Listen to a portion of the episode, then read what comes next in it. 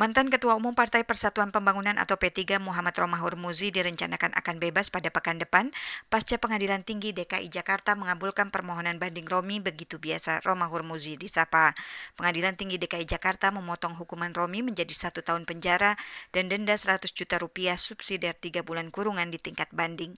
Sebelumnya pada tingkat pertama Romi difonis dua tahun penjara dan denda 100 juta rupiah subsidiar tiga bulan penjara. Kepada VOA Magdir Ismail, pengacara Romahur Muzi menjelaskan menjelaskan, sesuai putusan Pengadilan Tinggi Jakarta yang menetapkan vonis satu tahun penjara dan denda 100 juta rupiah, Romi sudah harus dibebaskan pekan depan karena masa hukumannya sudah habis. Dia berharap tidak ada perpanjangan penahanan terhadap kliennya oleh Mahkamah Agung. Menurutnya putusan Pengadilan Tinggi ini belum berkekuatan hukum tetap, mungkin saja lanjut makdir jika KPK mengajukan kasasi, lembaga itu akan meminta kepada Mahkamah Agung untuk tetap menahan mantan Ketua Umum P3 itu. Problemnya cuma di situ. Kalau saya sih berharap bahwa ya supaya mudah-mudahan Mahkamah Agung tidak memberikan perpanjangan penahanan. Karena di dalam putusan itu sendiri tidak disebutkan Pak Romi segera keluar. Magdir khawatir ketidakpastian di dalam penegakan hukum bisa saja terjadi karena undang-undang gampang sekali diterjemahkan dan ditafsirkan. Romi telah ditahan di rumah tahanan KPK sejak 16 Maret 2019. Penahanannya sempat ditunda 45 hari karena dia sakit.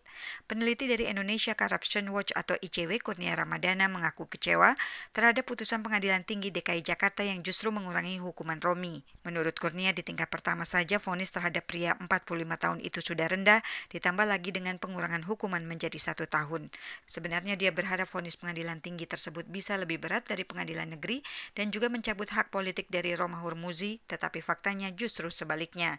ICW lanjutnya pada tahun lalu memetakan vonis-vonis koruptor, ternyata jika dikaitkan dengan vonis Romi, vonis terhadap mantan orang nomor satu di Partai Persatuan Pembangunan itu jauh lebih rendah dari vonis seorang kepala desa di Kabupaten Bekasi yang melakukan tindak pidana korupsi berupa pemerasan sebesar 30 juta rupiah tetapi difonis 4 tahun penjara.